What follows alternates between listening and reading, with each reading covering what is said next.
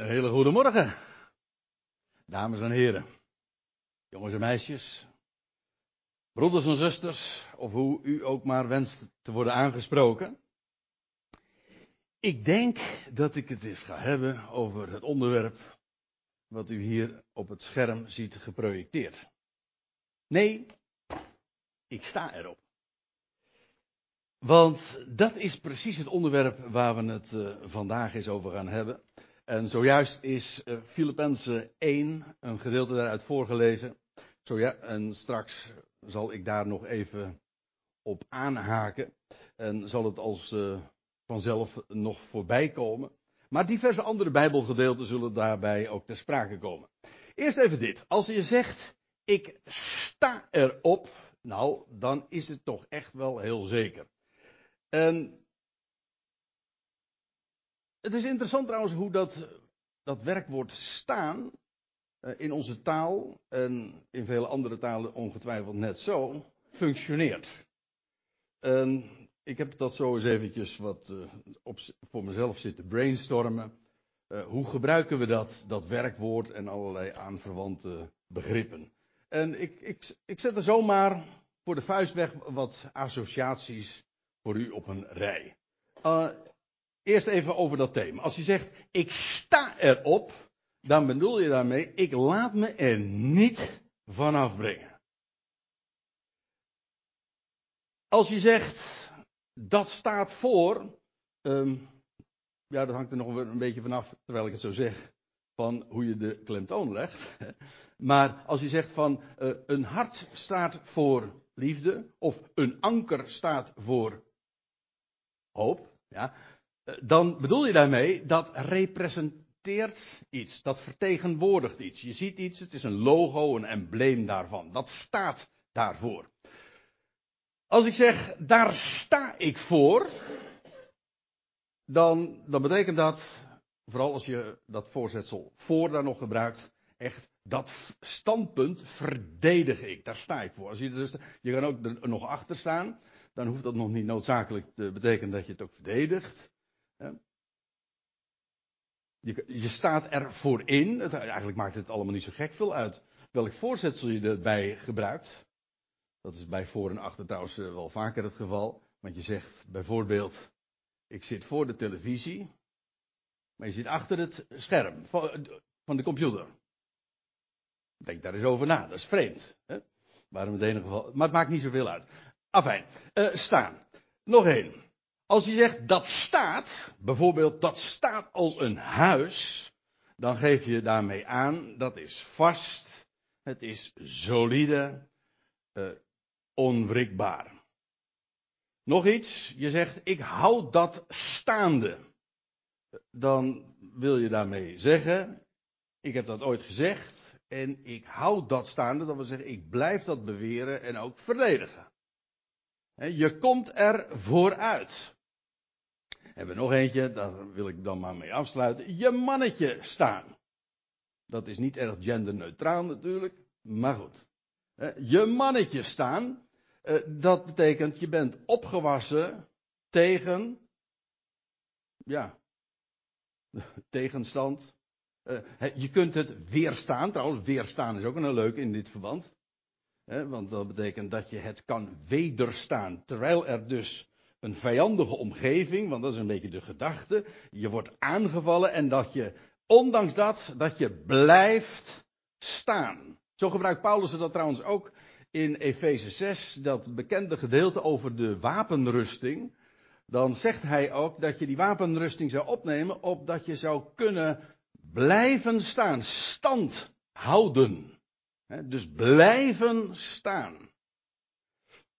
Um, je, ik zei, dat is nou de laatste, maar ik zit er eigenlijk ook nog aan te denken. We spreken ook over uh, opstand. Ja, over opstanding natuurlijk heel uh, veel. Maar opstand in de zin dus van, uh, ik sta op. Hè, en en dat betekent meestal ook in te midden van een omgeving die, dat, die daar moeite mee heeft, op zijn minst, of dat tegenstaat. En dan kom je in opstand. Je staat ergens voor, maar aangezien die omgeving uh, daar op een of andere manier niet mee eens is, ja, krijg je dus conflict. Dat is wat het woord opstand dan ook in dat verband en in zo'n context ook betekent. Nou, uh, deze korte overwegingen, die zijn in ieder geval genoeg om aan te geven dat als je zegt en spreekt over ik sta erop, dat je daarmee bedoelt dat je er ook actief inderdaad vooruitkomt, op zijn minst. En dus, dus het is maar niet alleen maar een kwestie van, uh, zoals wij dat dan zeggen, van, nou, ik geloof het wel.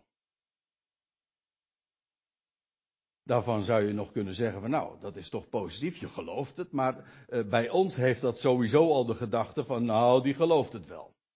Hij zal er niet tegen ingaan, maar daar is ook ongeveer alles mee gezegd. Als je zegt, ik sta erop, dan wil dat zeggen, ik, ik geloof het niet alleen, maar ik kom er ook vooruit. Ik kom, om een ander verband, uh, om een ander begrip dan te gebruiken, natuurlijk misplaatst, ik kom uit de kast ik, ik, ik hou dat niet verborgen. Nee, ik kom er openlijk voor uit. Ik sta op. Trouwens, als je het uh, zo zegt, uh, dat vind je nog eens ik ook een keer in de psalmen. De, de beden dan, dat, dat tegen God gezegd wordt, of tot hem gebeden wordt. Heere, sta op. Met andere woorden, blijf niet langer in rust, maar kom in actie. Onderneem. En, en maak het anders. Trouwens, ik citeerde zojuist uit de Efezebrief, maar daar lees je ook over ontwaakt gij die slaapt en sta op uit de doden. Ja, het uh, opstaan heeft altijd iets van activiteit. Je wordt, je wordt gewekt, dat is in feite, dan ben je passief nog, maar je staat op. Ja, nou, Laten we eens naar Romeinen 10 toe gaan. Er zou het, uh, een Bijbelgedeelte waar niet eens over, in tenminste de versen die ik nu ga citeren, niet eens over staan gesproken wordt, maar wel iets anders. En dat wil ik op, op uh, in, of in eerste instantie even voor uw aandacht brengen. Namelijk dat geloof alles te maken heeft met ook de dingen uitspreken. Romeinen 10. Daar staat in vers 9. Want indien je met de mond beleidt dat Jezus Heer is en gelooft met je hart dat God hem opwekte uit de doden, zul je gered worden. Eerst even dit. Met de mond beleiden dat Jezus Heer is en gelooft met je hart. Eigenlijk wordt daar eh, een ander voorzetsel nog gewerkt. In je hart. Geloven doe je namelijk met het hart. Dat is de Bijbelse gedachte altijd. Dat is iets wat, wat je van binnenuit dus doet. Geloven. Maar uh, er worden hier twee dingen nog gezegd. Met de mond beleiden en met je hart geloven. Met de mond beleiden dat Jezus Heer is. En met je hart geloven dat God hem uit de doden opwekt. Kijk, in feite is dat hetzelfde. Dat woordje beleiden, wat ik hier onderstreept heb, dat is in het Grieks het woordje homologeo. En dat betekent letterlijk hetzelfde zeggen. Iets wat je beleidt. Je beleidt iets, namelijk een bepaalde waarheid. En je zegt daar amen op, of je spreekt het na. Je zegt hetzelfde. Dat is eigenlijk beleiden. En in dit geval is dat ook uh, heel duidelijk, want God wekte Jezus op uit de doden. Dat is de Bijbelse gedachte. Jezus was een mens. En God wekte hem op. En als God hem niet zou hebben opgewekt, dan zou hij nog steeds dood zijn. Dus dus niet zo wat en natuurlijk uh, heel dikwijls gepredikt wordt van ja, Jezus is God en hij stond op uit het graf in eigen kracht, want hij is God bekleed met macht. Nou, dat kunt u wel vergeten. Dat is echt niet waar. God wekte hem op. Het is zelfs heel, als ik denk dat hij God is, dan kan ik niet eens van harte geloven dat God hem uit de doden opwekte. Want ja, waar, dan had hij God helemaal niet nodig. Trouwens, dan kon hij niet eens sterven. Wat dacht je daarvan? Maar goed. Uh, God wekte hem op uit de doden. Dat wil zeggen, alle doden bleven achter. Maar God wekte hem als eersteling op. Dat wil zeggen, hij was de eerste die opstond uit de doden, die gewekt werd.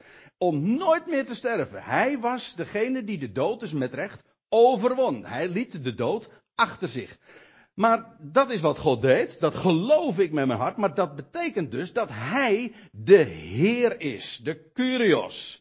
Hij is degene aan wie alle autoriteit is gegeven. Hij is de vorst. Ook in de zin van de voorste, de eerste, de first, ja. En daarom is hij ook Heer. Hij gaat voorop.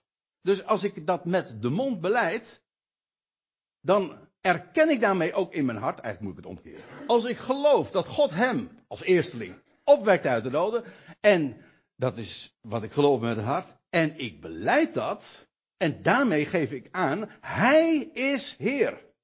Maar dat is in feite hetzelfde. Je zegt daarmee dus feitelijk hetzelfde. Dus, er staat trouwens nog iets verder, in Romeinen 10, vers 10, makkelijk te onthouden. Want staat er, met het hart gelooft men tot rechtvaardigheid en met de mond beleidt men tot redding. En die twee gaan altijd hand in hand. Eh, in feite geloof, dat is een, een hartelijke, ik zou ook haar zeggen een hartige zaak. Ja, pittig bedoel ik. Hè?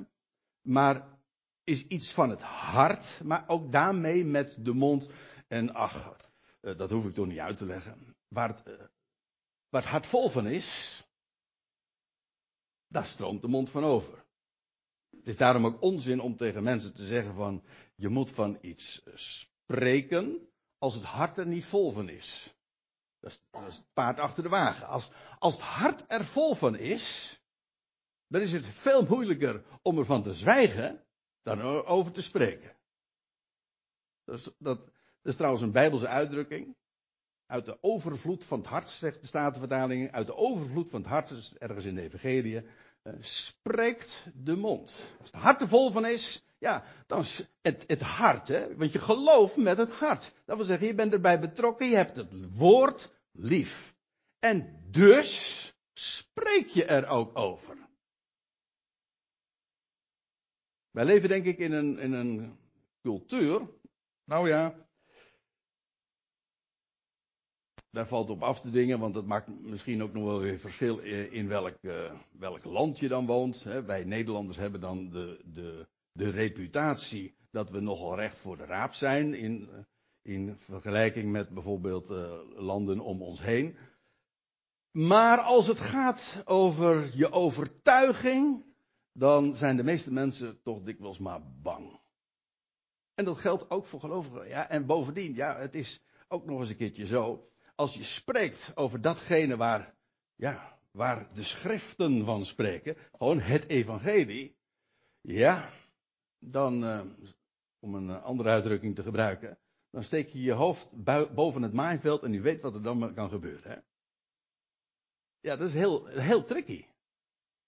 Want ja, op het moment dat je uitkomt voor dat wat je gelooft, ja, dan heb je strijd. Maar laat ik eerst nog eventjes iets anders zeggen. Kijk, eh, de Bijbelse gedachte is, dat zie je heel duidelijk in Romeinen 10 ook geïllustreerd.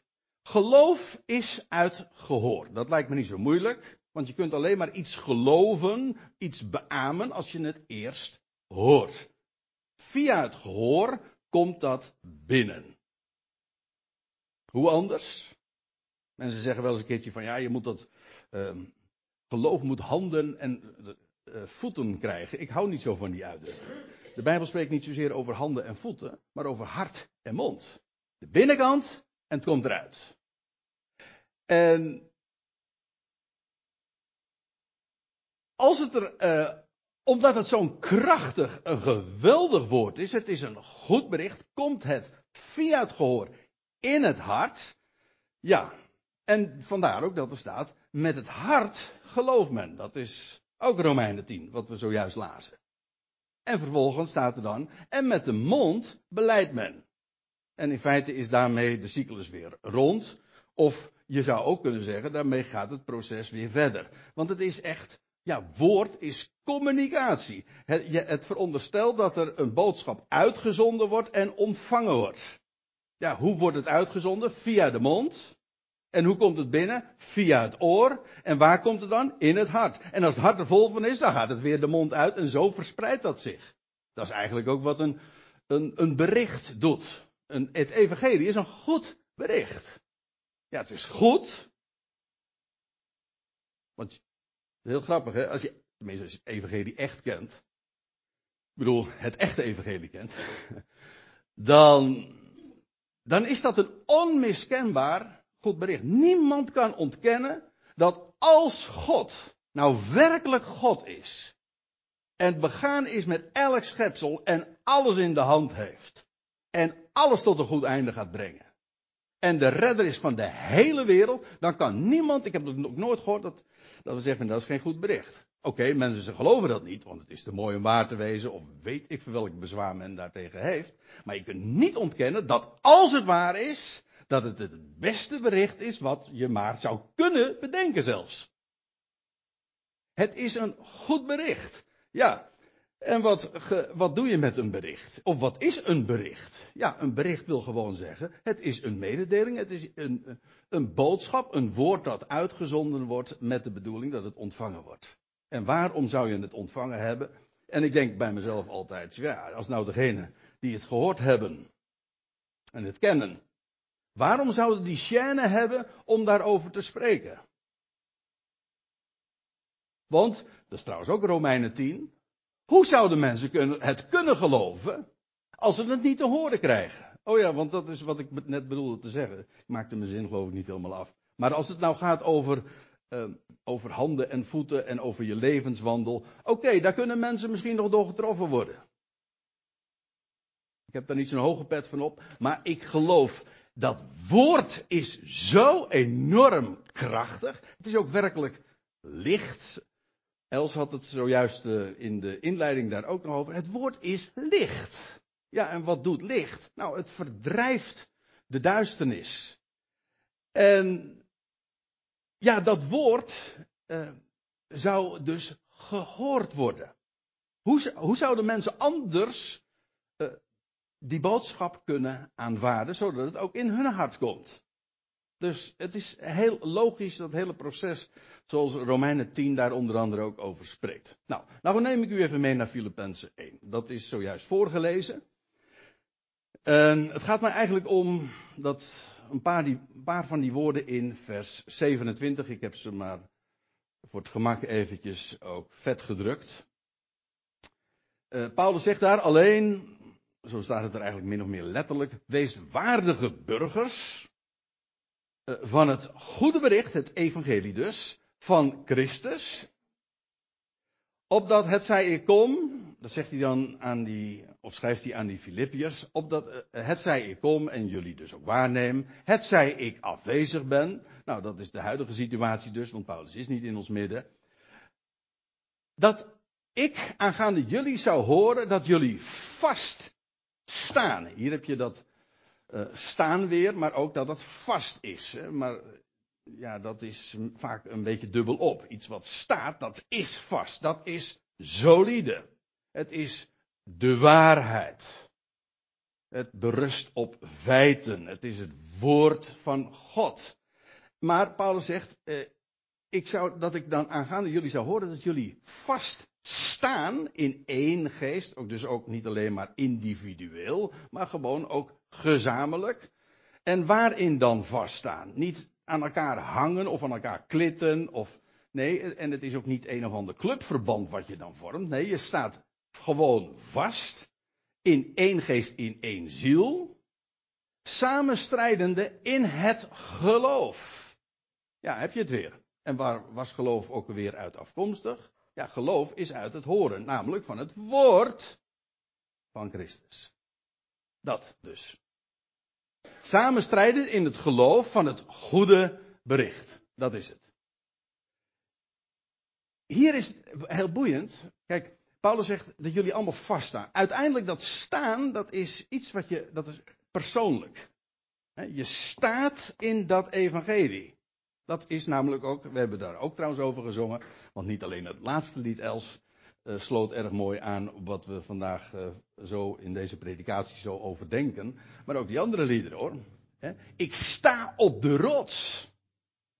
Die niet wankelt of bezwijkt. Daar kan ik op staan. Daar kan ik, en, en als ik daarop sta en u staat erop en jij staat daarop. Nou, dan staan we dus samen. Niet omdat we, niet omdat we aan elkaar hangen of omdat ik, eh, want dan krijg je een kaarthuis, hè, want dan hoef je er maar één weg te halen en dan, dan gaat het hele zaakje.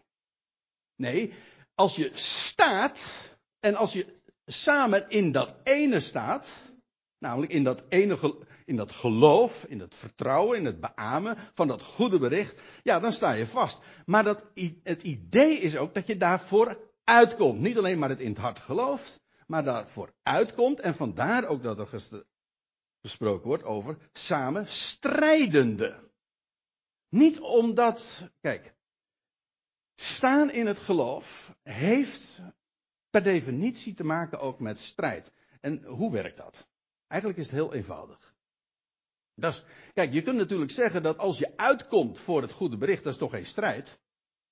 Je vertelt hem het beste nieuws. Ja. Maar vertel het maar eens. Eens kijken wat er gebeurt. Je wordt, je wordt bestreden. En dan zit je ongevraagd, terwijl jij best het beste nieuws vertelt. Dat een, uh, Destijds had ik een boek in de kast staan. Dus gejat denk ik of zo, maar in ieder geval, ik ben het kwijt. Dat was van een voormalige uh, nieuwslezer. Bob Meijer, een Joodse nieuwslezer. Uh, hij, was, hij, hij was Joods, maar beleed de Messias. En had een prachtig boekje. En uh, de titel daarvan ja, was Het beste nieuws wordt verzwegen. Vond ik wel een leuke titel voor iemand die het NOS-journaal voorleest. Hij is er trouwens ook om die reden mee gekapt. Want ja, het beste nieuws wordt verzwegen. En dat is juist wat hij wilde vertellen.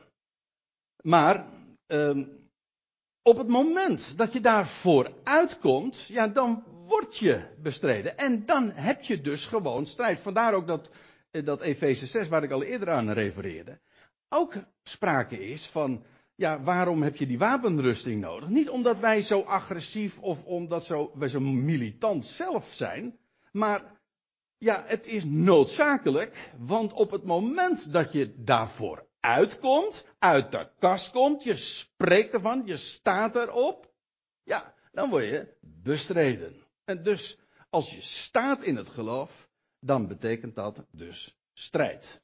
Vandaar ook dat embleempje, dat, dat, dat, eh, dat zwaard, dat staat voor strijd. Ja, vandaar ook dat je dat ook nodig hebt. Dat je ook, als je staat op de rots, ja, dat je weet waar je het over hebt. Dat je dat zwaard dan ook kan hanteren. Dat je kan zeggen van, er staat geschreven. Je, je weet gewoon hoe de vork aan de steel zit. Maar dat betekent dus strijd. Waarom? Kijk, als je gewoon, laat ik u dit vertellen. Als je gewoon je mond houdt. En begrijp, eventjes, dat is de disclaimer hè, erbij. Uh, ik bedoel natuurlijk niet daarmee te zeggen, wellicht een overvloede. Ik bedoel er niet mee te zeggen uh, dat je te onpas over het woord zou spreken. Want er zijn momenten dat je veel beter kunt zwijgen. Uiteraard. Maar er zijn situaties, gewoon, ja, dan komt iets ter sprake of dan word je gevraagd. En spreek daar dan van. Waarvan je weet, eigenlijk komt het erop neer, lieg niet, maar spreek gewoon de waarheid. Dat is het. Je weet dat het waar is, nou spreek er dan van. En lieg niet. En dat geeft dus wel strijd. Kijk, op het moment, dat, dat, dat is eigenlijk de bottomline van, van wat ik nu zeg. Zolang je je mond houdt, zal je echt geen last hebben. Dan blijf je gewoon incognito, je bent verborgen in het geheel. En, en trouwens, waarom zou men moeilijk doen? Maar op het moment dat je ervoor gaat staan, ja, dan krijg je. Dat is net als. Kijk, als een boom in het veld ligt, omdat hij omgehakt is, vangt hij geen wind hoor. Maar u weet het, als een, een boom staat, zeker als het een hoge boom is, dan vangt hij veel wind. Ja, dat is, Eh, dat is meteen dan ook eh, ja, de waarschuwing. Maar ja, dat is gewoon ook eerlijk. Op het moment dat je staat voor het goede bericht, er vooruitkomt, betekent dat per definitie dus strijd.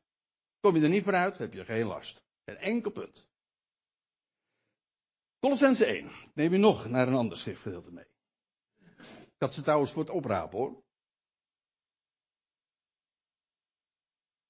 Want er zijn heel wat schriftplaatsen, met name in de brieven van Paulus, waarin eh, de metafoor van het staan of het staan op, nou ja, en dat soort eh, begrippen te, ter sprake worden gebracht. Colossense 1. En ik begin nu midden in een zin, wat altijd een beetje lastig is. Maar, maar goed. Daar staat dan, indien jullie blijven, ervan uitgaande dat jullie blijven in het geloof. En dan staat erbij, gefundeerd en standvastig. Nou, dat lijkt me toch wel duidelijke voorbeelden van ergens opstaan en zelfs erin staan er niet van af laten brengen, dat staat er ook bij, gefundeerd en standvastig, wat betekent, en niet afgebracht worden van de hoop van het evangelie. Of weer het, de hoop, laten we het gewoon even Nederlands houden, de hoop van het goede bericht. wil ik toch even gezegd hebben, want ik zal u vertellen, dit is zo'n, al eigenlijk sinds eeuwen een actueel woord. Want wat is nou die hoop van het goede bericht? dan zou je even terug moeten lezen. Ik lees nu dus vanaf vers 23. Maar kijk even terug, daar staat in Colossense 1 vers 20. Wat die hoop is van het goede bericht. De hoop, oftewel de verwachting. Van de blijde boodschap, van de blijde tijding. Nou, staat erbij dat God verzond, en er staat erbij hoe hij dat doet, door het bloed van het kruis, het al, dat wil zeggen tapanta, het, het, de kosmos, het al, het heelal, tot zich. Alles wat er is, hoezeer het ook vervreemd is van God en vijandig is van God, God gaat het tot zich verzoenen. Let op, dat is goddelijk werk. Het is niet zo van dat vijanden zich verzoenen met God. Nee, God verzoent het al tot zich. En hoe doet hij dat? Wel door hen te overtuigen van zijn liefde. En wat is de het bewijs van zijn liefde? Dat is het kruis. Nooit heeft God dieper, grootser, ingrijpender kunnen bewijzen dat hij van deze schepping houdt dan wel in, aan het kruis. Als je wil weten hoeveel God van deze wereld houdt, dan kijk je naar het kruis. Als daar zijn zoon vermoord wordt en God zegt, ik ga jullie redden. Nou, dat is liefde. Zijn liefde is namelijk niet kapot te krijgen. Zelfs de grootste vijandschap en haat gebruikt hij zelfs als bewijs van zijn liefde. En de hoop van het goede bericht, dat is dat God het al met zich gaat verzoenen. Het feit wordt hier gesteld, hoe hij dat gaat doen en in welke fases en zo, is niet aan de orde, maar het feit wordt gesteld, er is hoop voor elk mensenkind en voor de hele schepping en voor iedere creatuur. En Paulus zegt dat we gefundeerd en standvastig zouden zijn en daar niet van afgebracht worden. Zal ik u nou eens wat vertellen? Wat er in de christenheid is gebeurd, eigenlijk vanaf, nou ja, bijna het begin men is hiervan afgebracht. En zo, zozeer zelfs, dat als je hier nu op staat, u begrijpt nu wat ik bedoel natuurlijk, dat je een ketter bent. Dit is een dwaalleer. Dus hoe actueel is dit woord? Dat je daar op staat. En je kunt natuurlijk zeggen van nou laten we hier nou verder geen punt van maken, want ja, dat geeft zoveel verwijdering voor andere mensen. Mensen, dit is de hoop van het evangelie. God verzond alles en iedereen tot zich, namelijk door het bloed van het kruis. Er is hoop voor de hele schepping. Op het moment dat je daar voorwaarden aan gaat koppelen, of gaat zeggen, nou ja, of op al welke wijze dan ook, dit gaat weerspreken. Weg evangelie. Eh, is De clue van de hoop is dat het voor iedereen is. Onvoorwaardelijk, universeel. En op het moment dat je daar weer een voorwaarde aan gaat koppelen, of dat je dat gaat beperken, ja, dan heb je in feite dus het evangelie gewoon verkwanseld. En Paulus zegt, blijf daarop staan. Gefundeerd, standvastig, laat je er niet van afbrengen. Dit is zo'n unieke boodschap. Vertel het maar eens een keer. Ja. En dan blijkt dus inderdaad dat op het moment dat je hierop staat, gefundeerd, standvastig, je er niet van laat afbrengen, ja, dan kom je gewoon automatisch al in strijd. Met. Als je zegt, dat geloof ik niet, André. Test het maar eens uit. Test het maar eens uit. En ik uh, hou er niet zo van om, uh, om mij op uh, eigen ervaringen te beroepen, maar ik kan inmiddels ook wat uit enige ervaring daarin spreken. Ja, maar goed. Het is, het, het is zo geweldig. Laat je er niet van afbrengen. En Paulus zegt van die hoop van het goede bericht dat jullie horen en dat geproclameerd wordt. Ja, want u weet het, hè? Geloof is uit het gehoor. En Paulus was geroepen als, om deze boodschap wereldkundig te maken onder de natieën en hij heeft het gesproken. Natuurlijk. En trouwens, de tegenstand die hij ondervond met, met dat geweldige evangelie wat hij predikte, dat is nog wel van een andere orde dan in deze tijd, waarin we natuurlijk, en wij leven in een tijd waarin zoveel tolerantie is. Ja, u zegt dat is een omstreden uitspraak die je nu deze week doet. Oké, maar dan nog. Je kan toch alles zeggen? Nou ja, ik bedoel dit. Ze kunnen je met de nek aankijken. Of ze zeggen van, uh, ga maar weg. Uh, of jij hoort in onze gemeente of in onze kerk of weet je, niet meer thuis. Prima. Maar een paar eeuwen geleden belandde je nog op de, op de brandstapel, ja precies. Of zoiets. Dus wat dat betreft vind ik dat we in hele luxe tijden leven. Moeten we ook niet trouwens zeuren hoor, over van, van ja, maar uh, dan krijg je zoveel tegenstand en zo. Is dat het lijden? Het is. Oké, afwijzing is afwijzing. En strijd is strijd. Maar dan nog. Goed.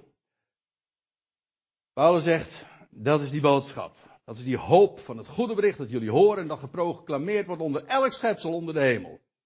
Waarvan ik, Paulus, een dienaar ben. En ik ben God dankbaar dat hij inderdaad dat allemaal heeft mogen optekenen en dat we ons daarop deze tijd volledig op kunnen oriënteren.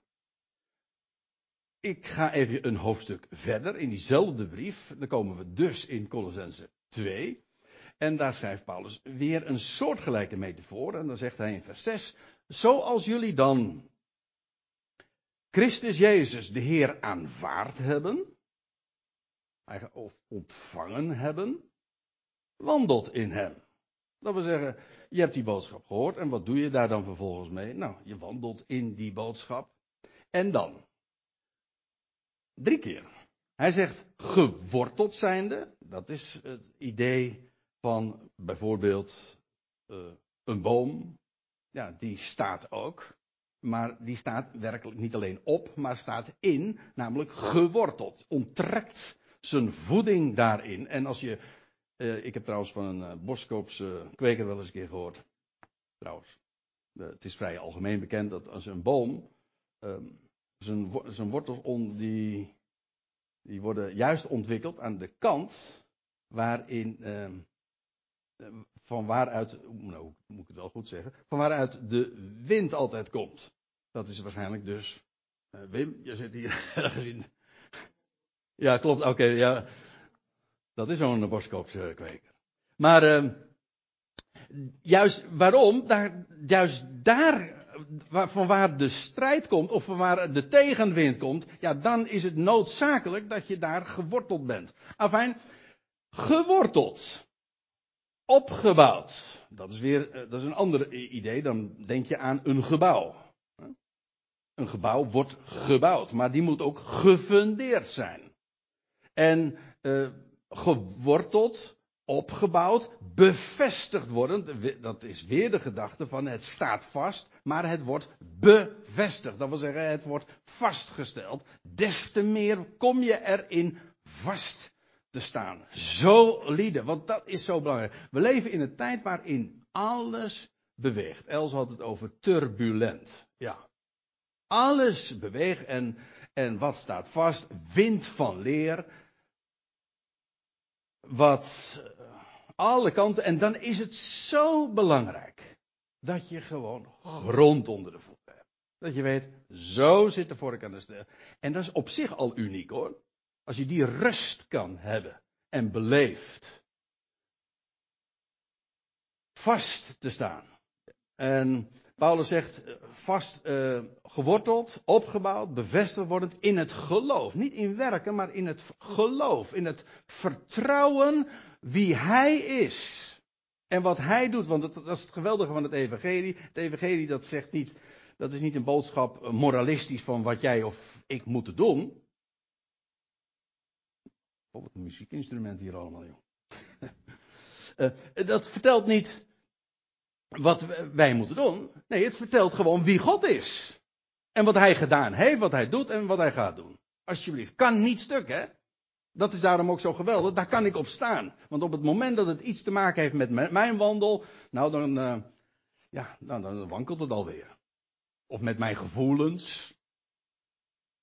U, het woord, emotie zegt het al. Hè? Beweging, motion. Dat beweegt allemaal, alles beweegt. Maar hoe geweldig is het dat er iets wat vaststaat. God, God heeft het eerste woord. En zijn woord staat vast. Hij heeft ook het laatste woord. Als je daarin vastgesteld wordt, zoals Paulus zegt, zoals jullie werd onderwezen. Het woord wat zij hadden vernomen, het woord zoals Paulus dat ook gepredikt had. En dan zegt hij er nog bij, overvloeiende in dankzegging. En dat overvloeiende uh, heeft denk ik alles te maken met het feit dat het de mond uitgaat. Kijk, je, kan, je bent dankbaar. Dankbaar is een houding. Dat is iets wat in het hart zich bevindt. Maar dankzegging, dat is iets wat je uitspreekt.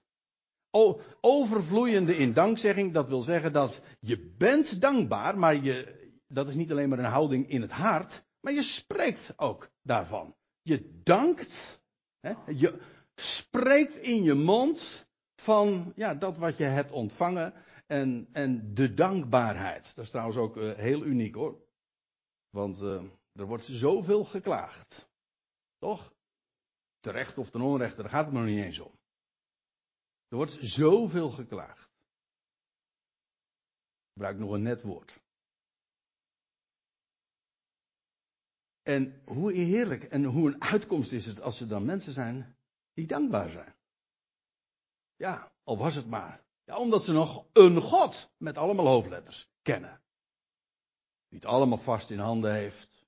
Wie nooit iets misgaat die mij geeft wat ik nodig heb. En die daar ook absoluut garant voor staat. Voor staat, ja. Ja, dat, overweeg het. En je gaat dan vanzelf stralen. Je wordt daar, je wordt dankbaar. En spreek het ook uit. Ja, dat is dat staan ook. Overvloeiende in dankzegging. Nou, dan neem ik u tenslotte nog mee naar 1 Korinthe 15. Het laatste vers. 1 Korinthe 15.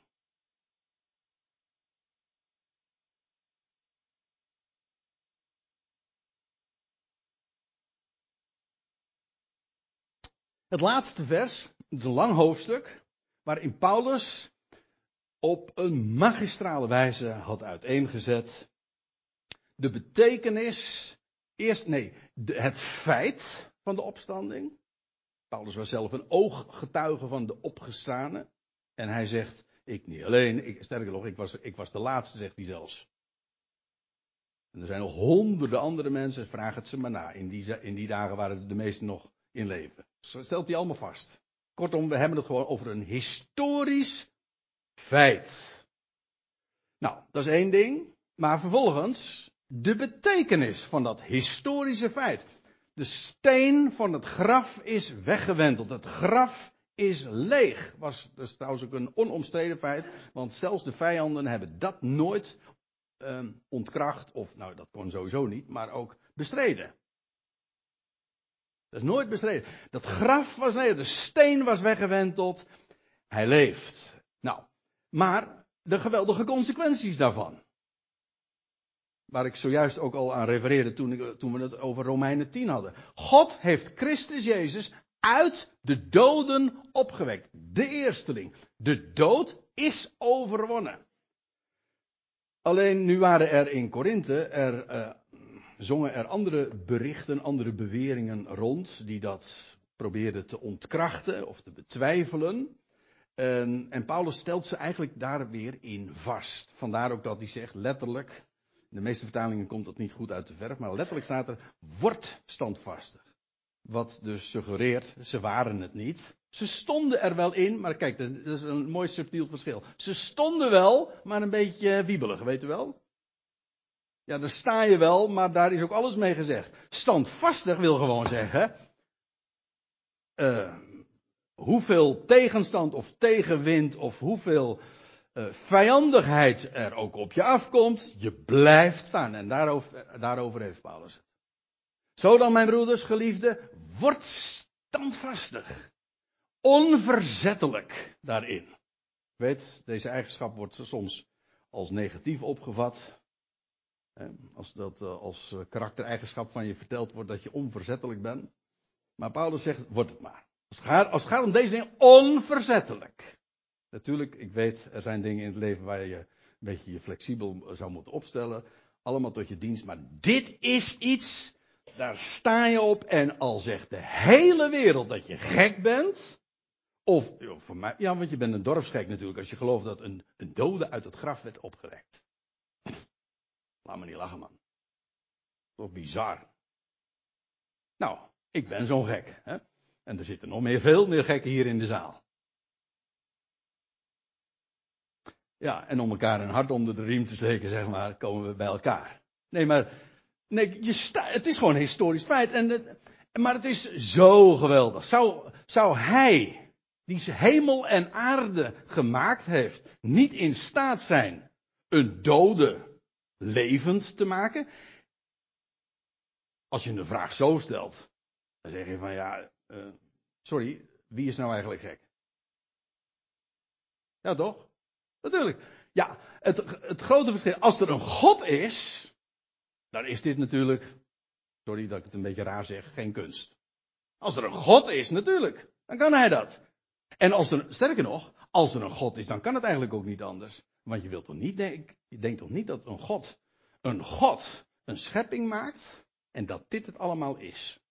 Nee, zijn werk is nog lang niet af. Dit is, en trouwens wat wij hier kennen, is nog niet eens leven. Maar wij noemen het wel leven, maar het is geen leven. Het is sterven. We zijn bezig dood te gaan. Dat is een langdurig proces meestal. Oké. Nou ja, 80, 90 jaar.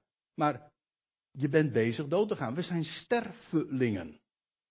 Maar Paulus heeft het over leven. Leven namelijk, dat echt leven is met allemaal hoofdletters. Dat de dood achter zich heeft, onvergankelijk is, krachtig en heerlijk. Nou, dat is waar Paulus het over heeft. Dat heeft God weggelegd voor de hele schepping, voor de hele mensheid. Zoals in Adam alle sterven, zo zullen in Christus allen worden levend gemaakt. Oké, okay, ieder in zijn eigen rang worden, maar het feit staat. Dit is toch, dit is geweldig man. De lente is begonnen. Ja, we hadden net Els de Winter hier op, op het podium staan. Maar de lente is begonnen. En wij spreken van leven. Pasen. Hè? Pasen betekent ook eigenlijk uh, dat het, uh, het, ge, het, is, het, gaat, het passeert. Hè? Het gaat voorbij. En dit leven, dit, wat wij leven noemen, gaat voorbij. Maar het leven, met allemaal hoofdletters, dat triomfeert. En God zegt, in mijn zoon ligt dat allemaal vast. Blijf daarin staan. En dat is een volstrekt unieke, boodschap. Het is ook niet, dat is geen religie, het is gewoon een bericht, het is een mededeling. Maar ik zal u vertellen, op het moment dat dat hier in het hart is gearriveerd, gewoon puur hè, niks ervan afdoen. Ja, dan gaat het zijn werk doen. Want Ja, het, het woord is licht. En wat doet licht? Nou, het laat je stralen, dat is één ding. Vertel het maar eens een keertje. Het woord is licht, het woord is een, is een zwaard, tweesnijdend. Dat woord hoef je ook niet te verdedigen, dat is ook zo mooi. Hè? Het woord hoef je niet te verdedigen. Dat woord, eh, een zwaard is ook niet een ding om, om, om, om te verdedigen. Nee, het is een ding juist om mee te verdedigen. Spreek dat woord en het bewijst zijn kracht. Nou, word standvastig, onverzettelijk. In die boodschap inderdaad dat de dood wordt teniet gedaan. Let op, de dood is overwonnen, dat is een feit. Dat is inmiddels ook geschiedenis. Maar de dood wordt teniet gedaan. Dat wil zeggen, er zal een moment komen dat er geen dood meer is. Hoe? Wel doordat God alle doden levend gemaakt heeft. Dat is de boodschap. Standvastig, onverzettelijk, altijd overvloedig in het werk van de Heer. Ja, het werk van de Heer, let op. Ik, ik, er staat niet het werk voor de Heer. Dat is een groot verschil. Het werk voor de Heer, dat is het werk dat wij zouden doen voor Hem. Maar dat staat er niet. Er wordt hier gesproken het werk voor de Heer. Het is het werk van de Heer. Het is namelijk het werk wat Hij doet. Hij heeft zijn woord gegeven. Dat woord dat komt in ons hart. Het vervult ons. Ja, en dat gaat zijn werk doen. Paulus zegt in, in dit, ik verwijs er ook naar, naar hoofdstuk 15 vers 10. In ditzelfde hoofdstuk zegt hij van, ja, uh, Gods genade is aan mij niet, uh, niet te vergeefs geweest. Want dan vergelijkt hij zich eventjes nog met, uh, met zijn collega-apostelen, zeg maar. En dan zegt hij van, ja, ik heb meer gearbeid dan zij allen. Hij zegt, maar niet ik hoor. Maar de genade Gods die met mij is. Kijk, dat zijn de verhoudingen. Paulus was gewoon, maar je, kijk, we zijn gewoon een instrument in zijn handen. Hij doet het werk. Hij gebruikt ons, oké. Dat is mooi. Als hij jou wil gebruiken en kan gebruiken. Heer, en dan uh, dat overvloedig, ja, ik denk dat dat toch echt ook alles weer te maken heeft met waar we het over hadden, overvloedig. Namelijk, doordat het woord in ons geplaatst is, in het hart. En daarom spreken we ervan. Ik heb geloofd. En daarom, ja, maar er staat in 2 Korinthe 4, daarom spreek ik. Maar er zit wel muziek in, dat is waar. Kijk, dus spreek je ervan. Overvloed, het woord gaat zijn werk doen. En het wordt verspreid. Ja, daar is het ook een goed bericht voor. En dan zegt Paulus erbij. Maar ik mag niet verder. Oh ja, net toch. Uh, wetende. Dat is het laatste. Wetende dat jullie moeite, jullie arbeid niet vergeefs is, niet ijdel is in de Heer. Wees daar nou maar gewoon van overtuigd. Inderdaad, het geeft moeite, het, het geeft tegenstand, alsjeblieft, dat is waar. Maar weet dat woord is zo groot. En ik heb expres dat beeld hier, eh, dat plaatje erbij gedaan van zaad dat je in de aarde stopt. Dat woord is namelijk, ja, het is een zwaard, het is een hamer, het is een uh, licht, maar het is ook zaad. Dat wil zeggen, het heeft kiemkracht. Het is, het is, het is een woord overleven. Het is ook een woord van leven. Een levend woord. Ja, u begrijpt nu toch waarom het een levend woord is. Hè? Omdat het gaat over iemand die de dood heeft overwonnen. En in wie het leven gegarandeerd is voor elk mensenkind. Nou, dat is kiemkracht, heeft kiemkracht hoor. En, en het mooie is, je strooi er maar vanuit. Ja, dat, is, dat is wat je met zaad doet. Hè? Dat, moet je niet, dat moet je niet gewoon voor jezelf bewaren. Hoeveel mensen zijn er ook niet die hier zo'n behoefte aan hebben? Een woord van hoop. Bij alle hopeloosheid die er is. En onvastheid. Dit is zo geweldig. En daarom strooit maar uit. Het geweldig, er is genoeg hoor. Kijk, van een heleboel dingen geldt. Als, kijk, als ik een appel heb en ik geef het u, dan hebt u die appel en ik niet meer. Als het woord doorgeeft, een goed bericht doorgeeft, ja, dan hebt u het. Maar dan ben ik het niet kwijt. Nee, dat is het geweldige. Het, het vermeerdert zich. Je deelt het en daardoor vermeerdert ze zich alleen maar. Het heeft kiemkracht. Het is een levend woord. Spreek ervan. Sta erop. Amen.